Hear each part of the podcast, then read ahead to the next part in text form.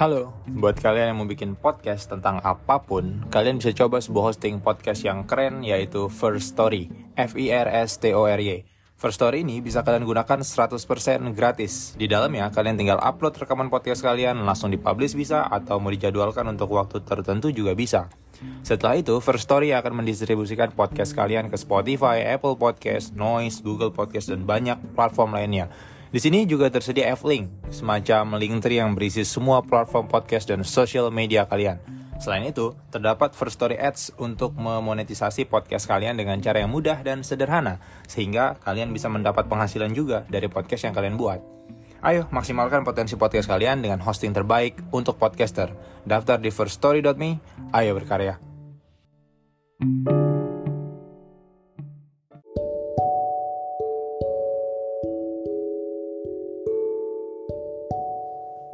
Halo, kembali lagi bersama saya Syam Hendra, your book reader. Saya akan membacakan buku sejarah dunia yang disembunyikan, karya Jonathan Black, sebuah buku bestseller internasional, bab 10, Cara Penyihir. Perang Zarathustra melawan kekuatan kegelapan, kehidupan dan kematian Krishna sang gembala, Fajar, zaman kegelapan. Pada 5067 sebelum Masehi, daerah yang sekarang kita kenal sebagai Iran, kelahiran dari seorang pimpinan besar telah diramalkan. Kita harus membayangkan ibunya tinggal di komunitas pertanian kecil, seperti yang digali di Katal Huyuk. Pada tengah musim salju yang berat, wabah menyerang. Gosip melanda komunitas itu menuduh sang perempuan muda sebagai penyihir. Mereka menyatakan bahwa badai dan wabah itu adalah perbuatannya, Lalu, pada bulan kelima kehamilannya, ia bermimpi buruk. Ia melihat awan besar sekali dan muncul naga dari dalamnya. Serigala-serigala dan ular-ular mencoba merampas sang bayi dari perutnya. Namun, ketika monster itu mendekat, bayi itu berbicara dari dalam perut untuk menenangkan sang ibu. Dan ketika suara bayinya menghilang, perempuan itu melihat sebuah piramida cahaya turun dari langit. Dari piramida itu keluar seorang anak laki-laki memegang sebuah tongkat pada tangan kirinya dan sebuah gulungan pada tangan kanannya. Matanya menyorotkan api sejati dan namanya adalah Zarathustra. Ada perbedaan aliran pemikiran tentang tanggal pemunculan Zarathustra. Beberapa penulis dari dunia kuno menempatkannya pada kira-kira 5000 sebelum Masehi, sementara yang lainnya seperti Plutarch pada 600 sebelum Masehi. Lagi, ini karena ada lebih dari satu Zarathustra. Ada sebuah gambar Zarathustra dengan gulungan dari sebuah lukisan dinding di kuil Mitras di Dura, Europas di Suriah. Membawa gulungan pada tangan kanan selalu merupakan tanda bahwa tokoh itu adalah pengikut filosofi rahasia. Lihatlah di sekitar jalan-jalan di London, Paris, Roma, Washington DC, atau kota-kota besar lainnya di dunia, dan Anda mungkin akan terkejut melihat betapa banyak patung tokoh-tokoh besar dan terpandang yang membawa gulungan. Kelahiran Zarathustra seketika menghentikan badai kebencian. Sang raja merupakan budak dari perkumpulan penyihir yang membujuknya untuk membunuh anak laki-laki itu. Raja mendatangi sang ibu dan melihat bayi itu ada di dalam ayunan sendirian. Raja berniat menikam bayi itu, tetapi ketika ia mengangkat tangannya, ajaib, tiba-tiba tangannya lumpuh. Kemudian raja mengutus para pelayannya untuk menculik bayi itu dan meninggalkannya di sarang serigala di alam liar. Namun, kelompok serigala yang raja harap akan memangsa sang bayi melihat sesuatu dalam matanya dan lari ketakutan. Bayi itu tumbuh menjadi pemuda seperti dalam mimpi ibunya. Akan tetapi, kekuatan-kekuatan jahat tahu musuh besar mereka telah turun ke bumi. Mereka hanya menunggu waktu yang tepat. Zaman Gebini adalah sebuah zaman pembagian. Tidak mungkin lagi hidup dengan aman di surga, seperti orang-orang yang tinggal di India. Jika epos India telah merupakan rekapitulasi dari masa surgawi sebelum perpisahan antara bumi dan matahari, ini baru, epos Persia adalah sebuah rekapitulasi dari zaman mengerikan ketika naga-naga Lucifer merusak kehidupan di bumi. Sekarang, kekuatan kejahatan menegaskan diri kembali, dipimpin oleh Ahriman, setan dalam tradisi Zoroastrian. Kosmos dijajah oleh sekelompok iblis yang menggelapkan langit. Iblis-iblis itu memaksakan diri mereka sendiri masuk di antara manusia dan ke dalam hierarki spiritual dengan tingkat yang lebih tinggi. Jika zaman India adalah masa ketika rahasia fisiologi manusia terpatri di dalam memori manusia, lalu zaman Persia adalah masa kita mencari pengetahuan demonologi. Setan-setan yang dimusuhi Zarathustra bersama pengikutnya juga digolong golongkan olehnya ini membentuk dasar klasifikasi yang digunakan perkumpulan-perkumpulan rahasia sekarang.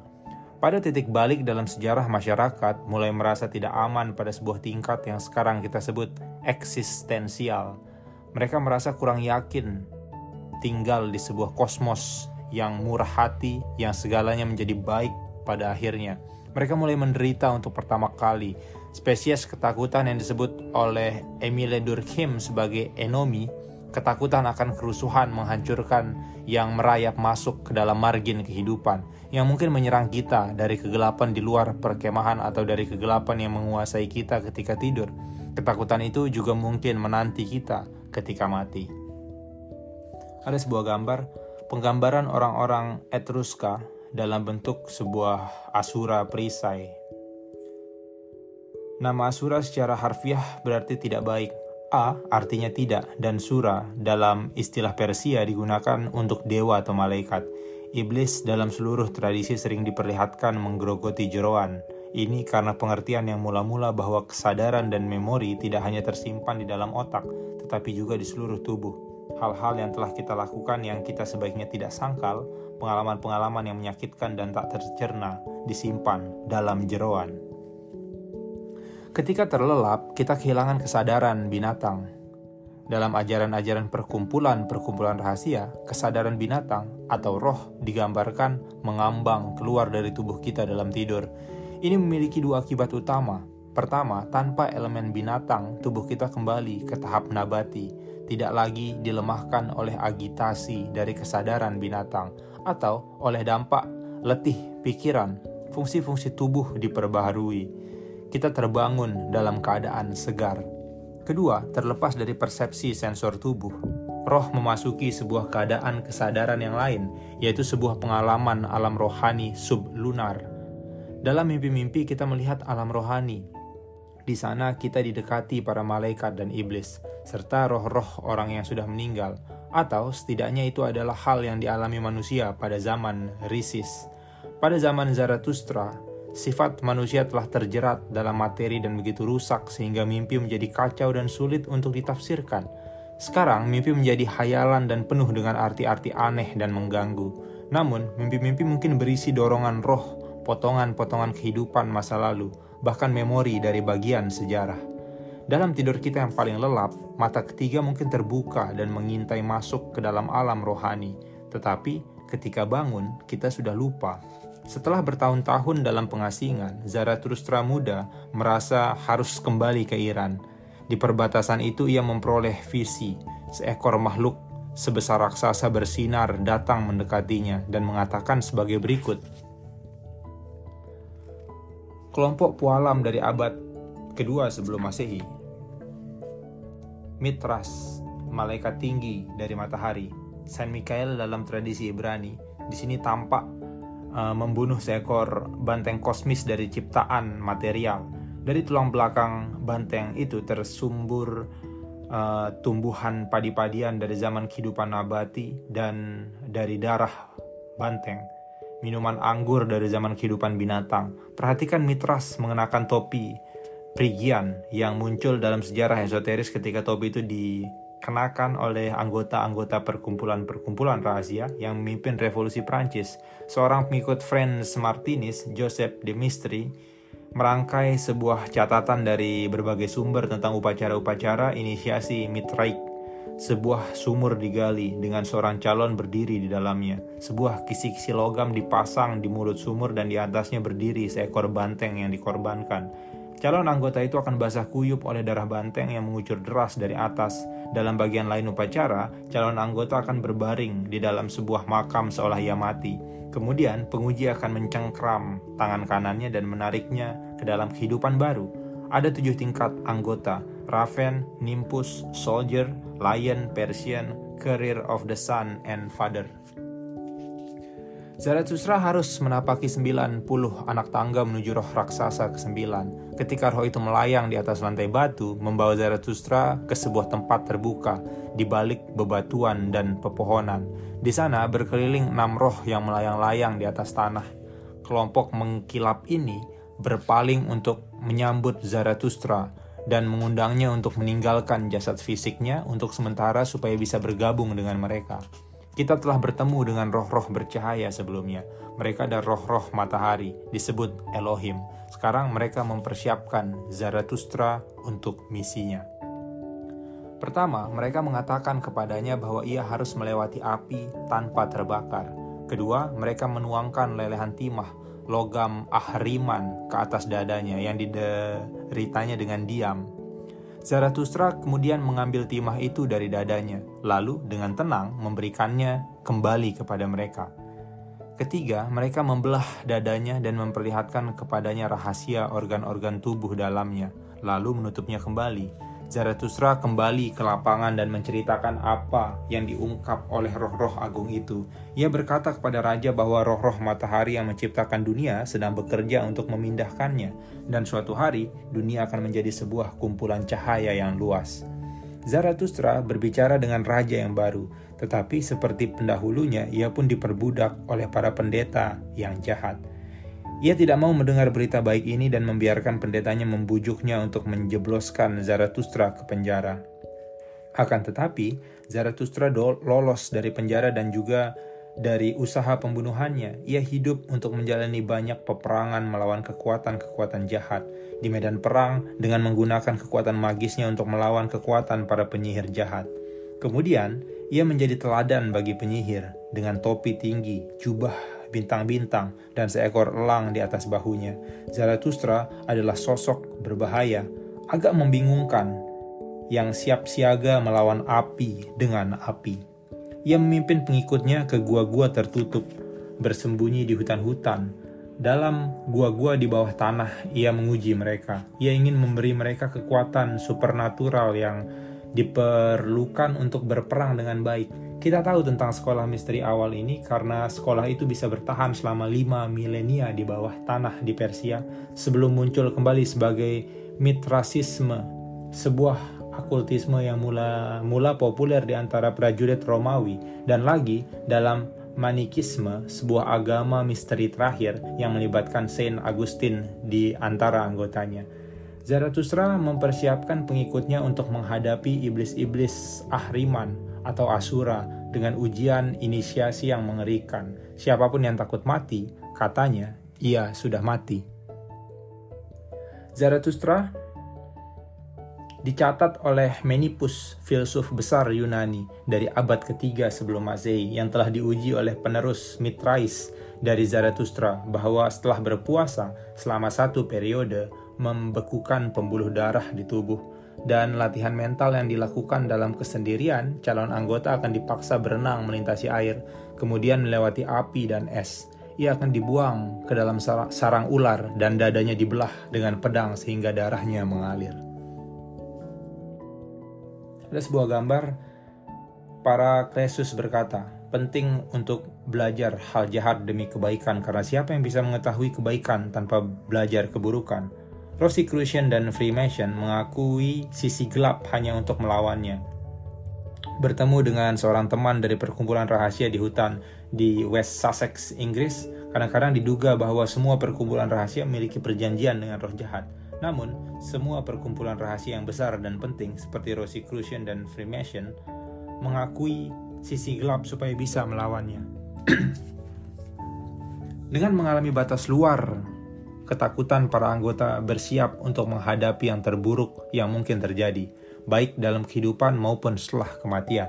Bagian penting dalam persiapan ini adalah menimbulkan pengalaman kesadaran para calon tentang perpisahan fisik bagian e, binatangnya dari bagian nabati dan material, seperti yang terjadi saat tidur. Sama pentingnya adalah untuk mengalami perpisahan bagian binatang dari bagian nabati, seperti terjadi setelah kematian. Dengan kata lain, inisiasi melibatkan apa yang kita sekarang sebut sebagai sebuah pengalaman setelah kematian. Dengan tindakan meninggalkan tubuh calon itu, tahu di luar kemungkinan keraguannya bahwa mati bukan akhiran. Orang yang belajar bagaimana bermimpi secara sadar, yaitu dengan kemampuan untuk berpikir dan melatih kekuatan kita yang secara normal, hanya menikmati kehidupan saat kita bangun, akan bisa mengembangkan kekuatan yang supernatural seperti pengertian sekarang. Jika Anda bisa bermimpi dengan sadar, maka anda sedang menuju untuk mampu bergerak di alam rohani sesuai kemauan Anda, berkomunikasi dengan bebas bersama roh orang mati dan makhluk tak berjasad lainnya. Anda mungkin bisa belajar tentang masa depan dengan cara-cara yang mungkin tertutup. Anda mungkin mampu berkelana di alam semesta material lainnya dan melihat hal-hal walau jasad Anda tidak hadir yang disebut perjalanan astral. Seorang inisiat hebat dari abad ke-16, Paracelsus, yang seperti yang akan kita lihat, telah mengaku sebagai ayah dari obat percobaan modern dan homeopati. Berkata ia mampu mengunjungi orang lain dalam mimpi mereka. Kita juga akan melihat bahwa banyak penemuan ilmiah besar telah diungkap kepada pada inisiat ketika dalam keadaan alternatif dari kesadaran. Supernatural artinya mempengaruhi pikiran merupakan bakat lain yang mungkin dianugerahkan oleh inisiasi Inisiat-inisiat yang saya temui pasti memiliki bakat membaca pikiran yang jauh melebihi kemampuan para ilmuwan yang skeptis untuk memperbanyak pengalaman membaca ulasan. Ilmu pengetahuan yang sama hanya memiliki pertanyaan yang memohon jawaban tentang hipnosis yang paling tipis.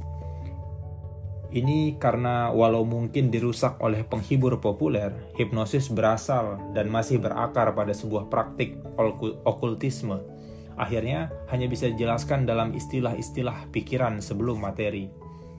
Ia berasal dari Risis, India dan dalam teknik yang dipraktikkan selama proses inisiasi oleh pendeta-pendeta kuil di Mesir.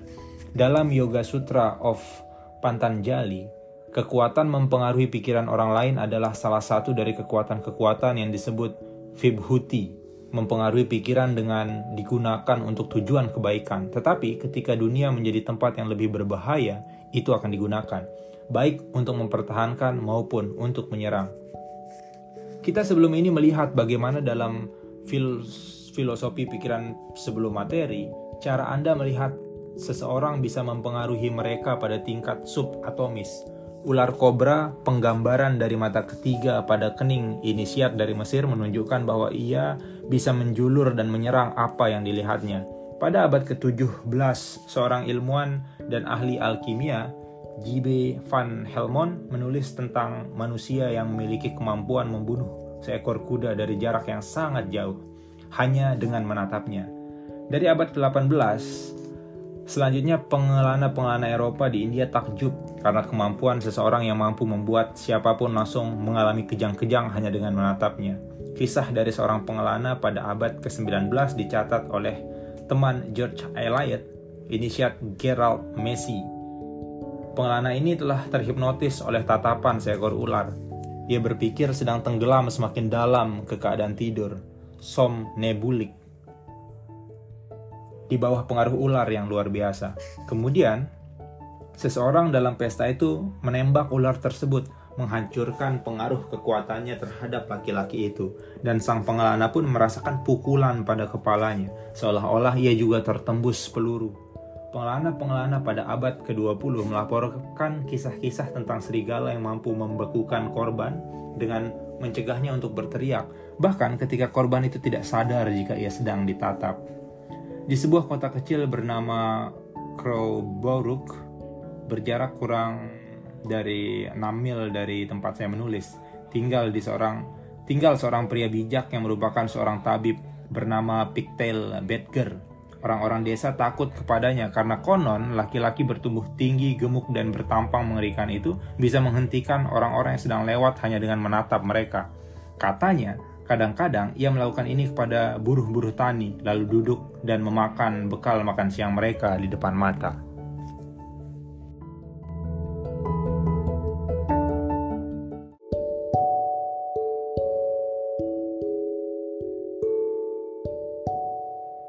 Ajaran inisiasi yang paling penting berhubungan dengan cara alam-alam rohani dialami setelah kematian. Ini bukan karena seorang calon akan meragukan bahwa ada kehidupan setelah kematian, sebuah gagasan yang ketika itu tidak akan terpikirkan, melainkan karena mereka takut pada apa yang akan terjadi dengan pengalaman mereka sendiri. Pertama-tama, mereka takut iblis yang telah mereka hindari sepanjang hidup, ada di sana menunggu.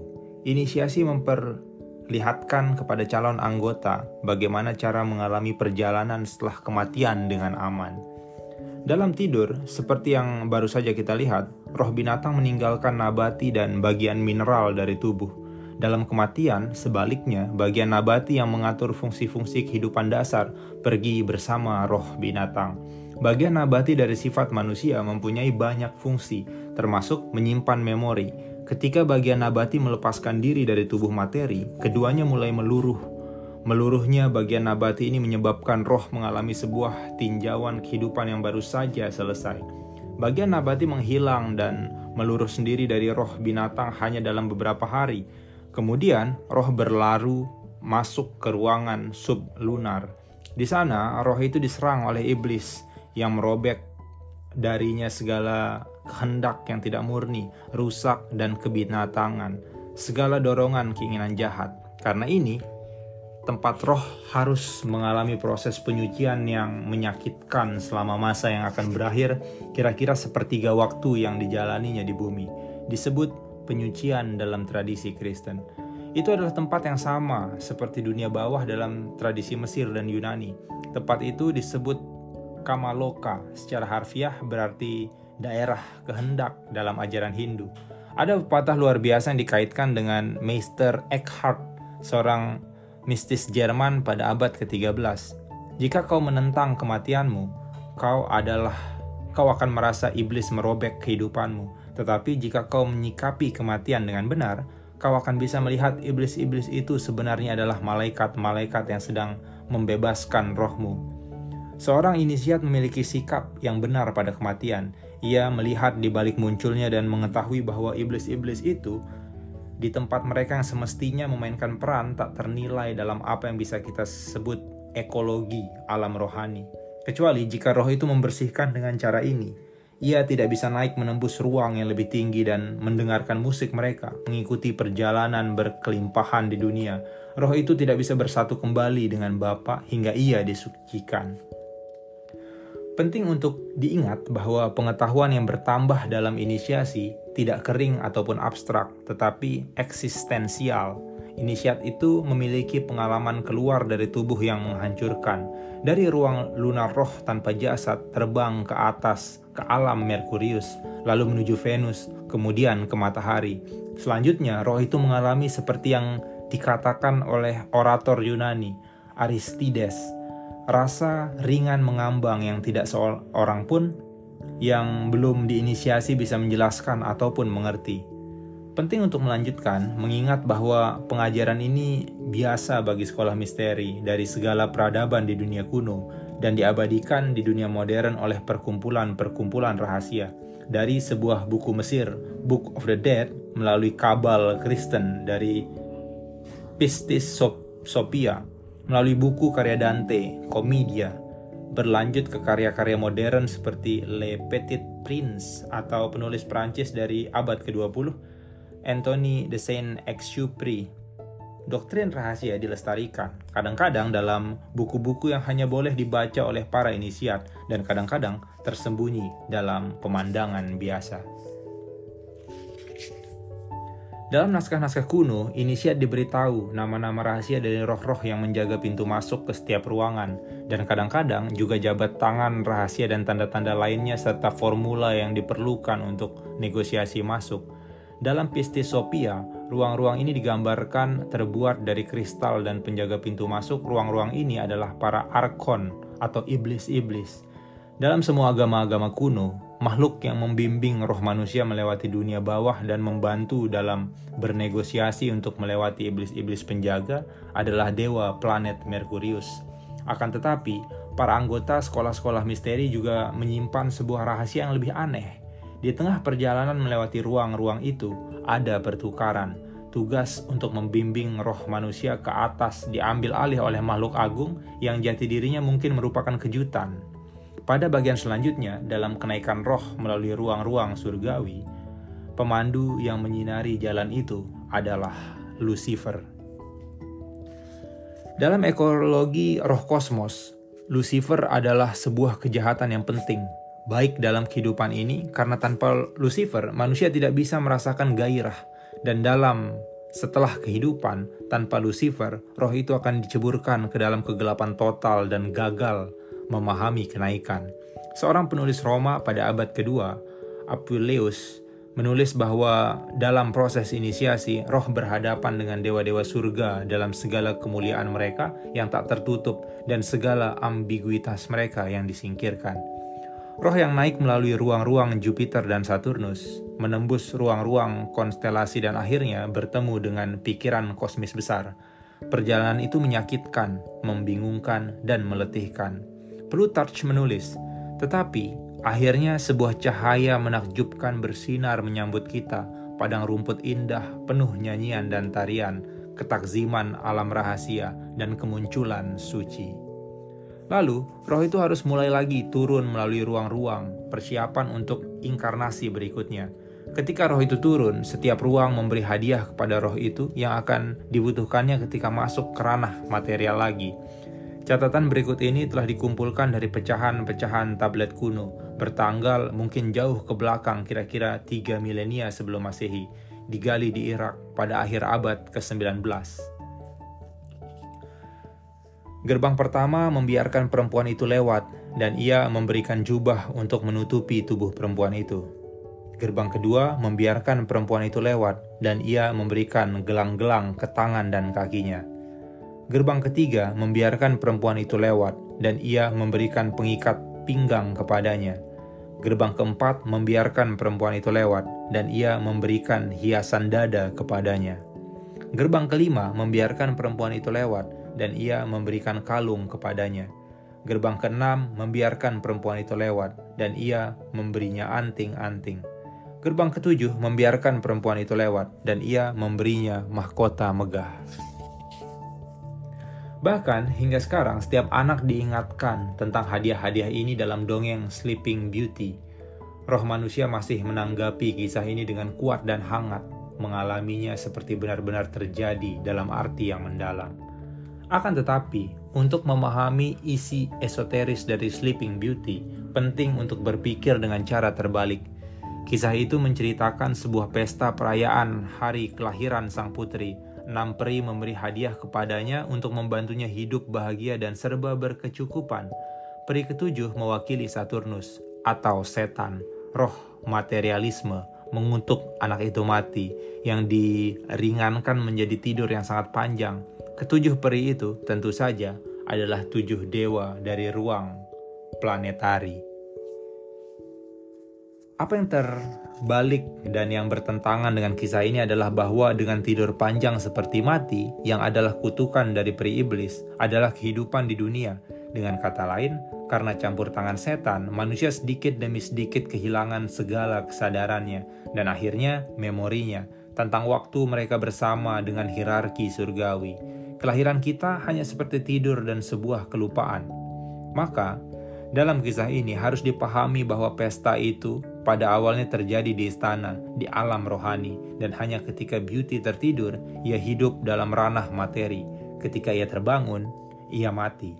Sejatinya, kita telah melihat sebuah paradoks yang sama dalam kisah Osiris, yang sebagian besar terjadi di alam rohani. Ketika Osiris dipaku di dalam peti yang sangat tepat ukurannya seperti kulitnya, peti itu memang kulitnya, Osiris hanya mati bagi Isis, sementara ia hidup di alam material. Kisah-kisah ini memperlihatkan bagaimana kehidupan ini dan setelah mati dikendalikan oleh planet-planet dan bintang-bintang. Mereka harus memperingatkan kita akan adanya dimensi lain yang penting dalam ajaran inisiasi.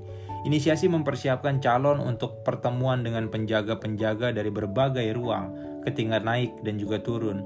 Jika dicetak cukup baik di dalam roh pribadi, ajaran-ajaran ini akhirnya akan mempersiapkan roh untuk partisipasi, sadar dengan makhluk spiritual yang lebih tinggi dalam mempersiapkannya untuk sebuah reinkarnasi baru. Kata kuncinya adalah sadar. Inisiasi melibatkan perbuatan sebuah hubungan kerja yang sadar dengan roh-roh tanpa jasad dan sebuah pengetahuan eksistensial tentang cara mereka bekerja dalam kehidupan dan kehidupan setelah mati kita. Itu mengungkap cara mereka bekerja ketika kita bangun, ketika kita bermimpi, dan ketika kita mati. Kita telah melihat bahwa sejarah-sejarah telah menguji, seperti ujian Hercules, disusun sesuai perputaran astronomis, perjalanan matahari selama satu bulan dalam setahun dan ketepatannya melewati galaksi-galaksi. Intinya adalah bahwa pola sama yang menyusun kehidupan di bumi juga menyusun kehidupan di alam rohani. Hercules dan Ayub menderita pengujian dalam kehidupan mereka di bumi yang telah dicatat dalam sejarah dunia.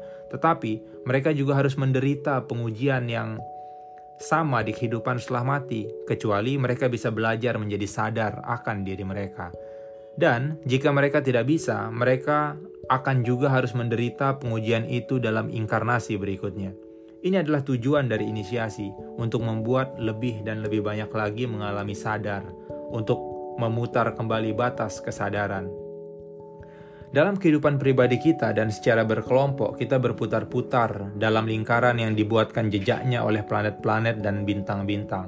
Akan tetapi, jika kita bisa menjadi sadar akan lingkaran ini, jika kita bisa menjadi sadar akan kegiatan dari bintang-bintang dan planet-planet dalam kehidupan dengan cara yang paling intim, maka kita dalam sebuah artian tidak lagi terperangkap oleh mereka. Kita bisa bangkit di atas mereka. Kita sedang bergerak tidak dalam lingkaran, tetapi melingkar-lingkar ke atas.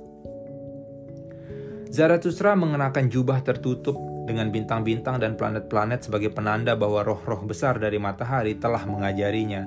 Ini adalah pengetahuan yang diteruskan dalam inisiasi ketika roh calon-calon kembali masuk ke dalam tubuh mereka setelah pengalaman keluar dari tubuh mereka. Mereka dimampukan oleh Zarathustra untuk menjelajahi pekerjaan bagian dalam dari tubuh mereka sendiri, sehingga ribuan tahun kemudian orang-orang hanya bisa menemukan melalui autopsi.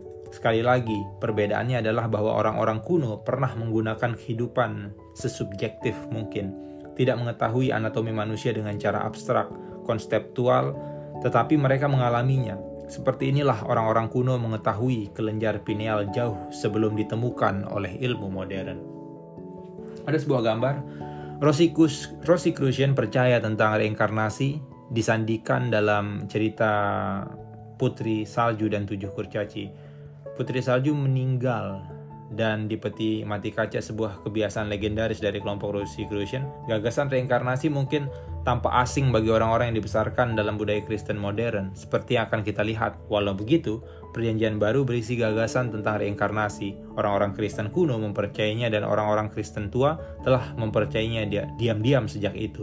Kepercayaan rahasia tentang reinkarnasi disembunyikan di dalam kesenian, arsitektur, dan literatur. Di sini dalam Red Fairy Book karya Andrew Lang.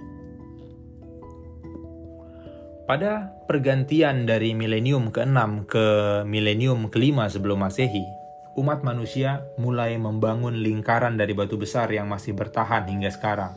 Dengan cara yang sama bahwa mundurnya dewa-dewa selama zaman India telah memaksa umat manusia untuk memikirkan cara-cara mengikuti mereka. Sekarang, penguburan dari petunjuk langsung dari dewa-dewa membuatnya penting bagi umat manusia untuk menemukan cara baru untuk mencari petunjuk itu. Sekali lagi, umat manusia ditarik keluar dan dan dirinya sendiri. Sebagai inisiator monumen-monumen batu itu, Zarathustra bisa melihat gambaran singkat tentang air bah dari Henok. Lingkaran batu megalitikum yang mulai menyebar di timur dekat Eropa Utara dan Afrika Utara berniat mengukur pergerakan benda-benda langit.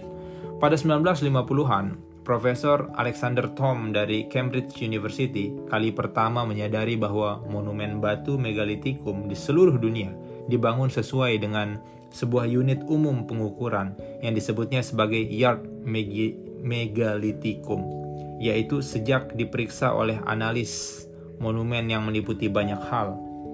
Akhir-akhir ini, Dr. Robert Lomas dari Sheffield uh, University telah memperlihatkan bagaimana unit pengukuran ini diperoleh dengan ketepatan yang mengagumkan.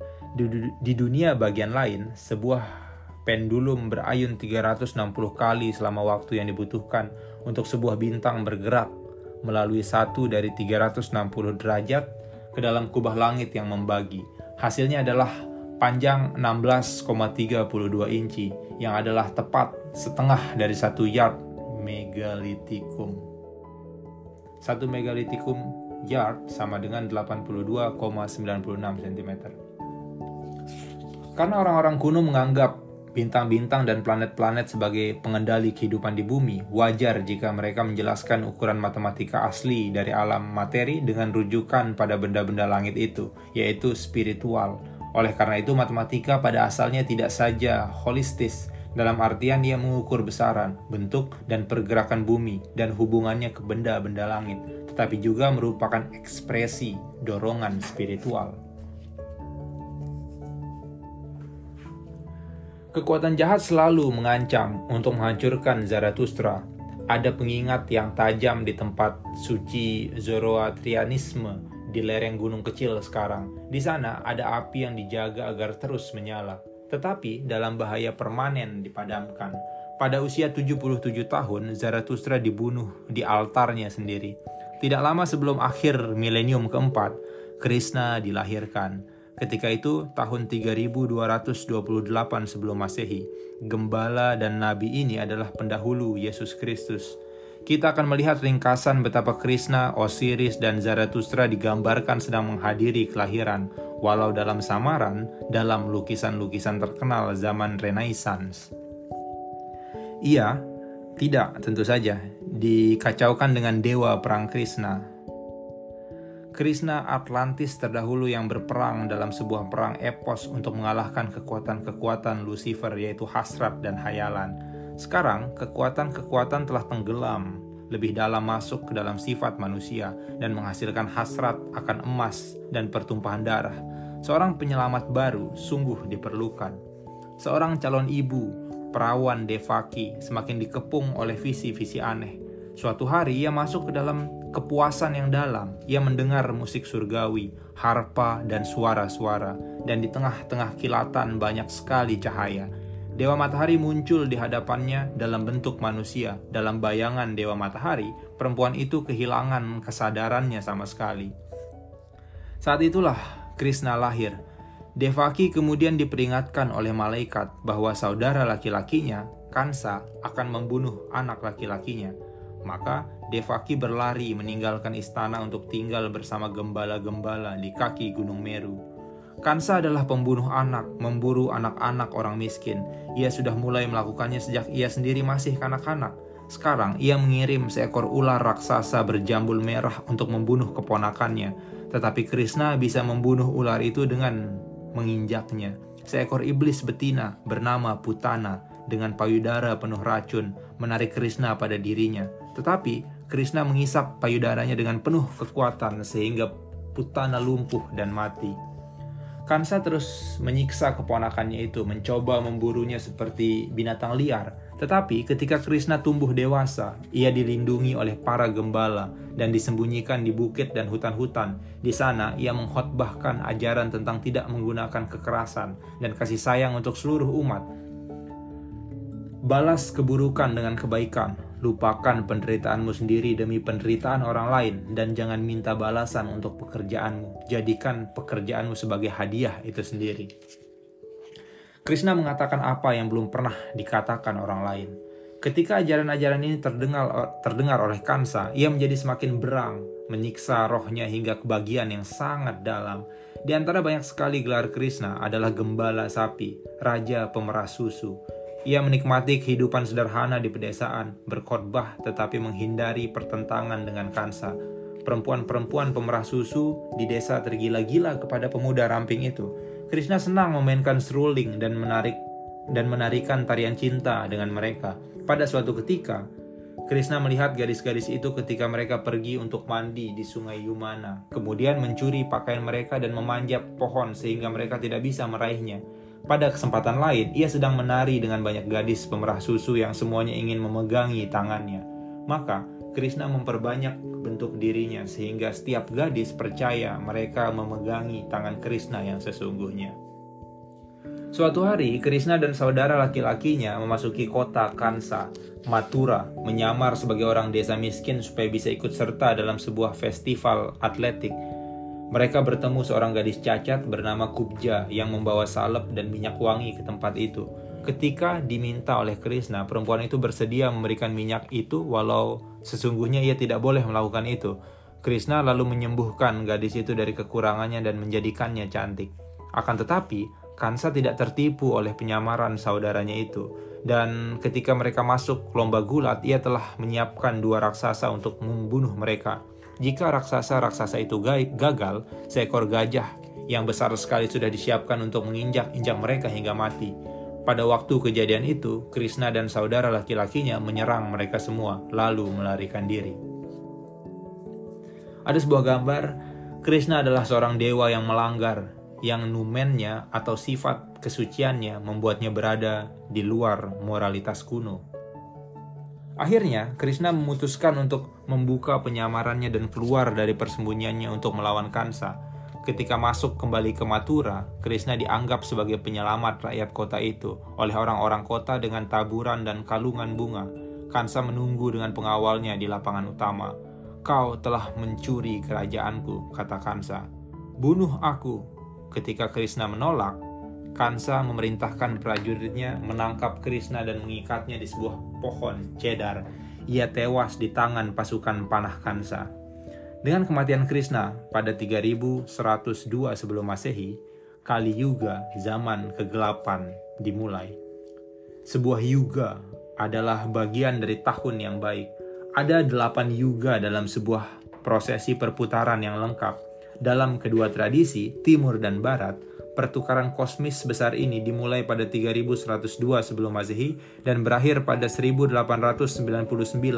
Seperti yang akan kita lihat pada bab 24, Freemason memperingati masa menjelang akhir Kali Yuga dengan mendirikan sebuah monumen raksasa di tengah kota-kota besar dunia barat.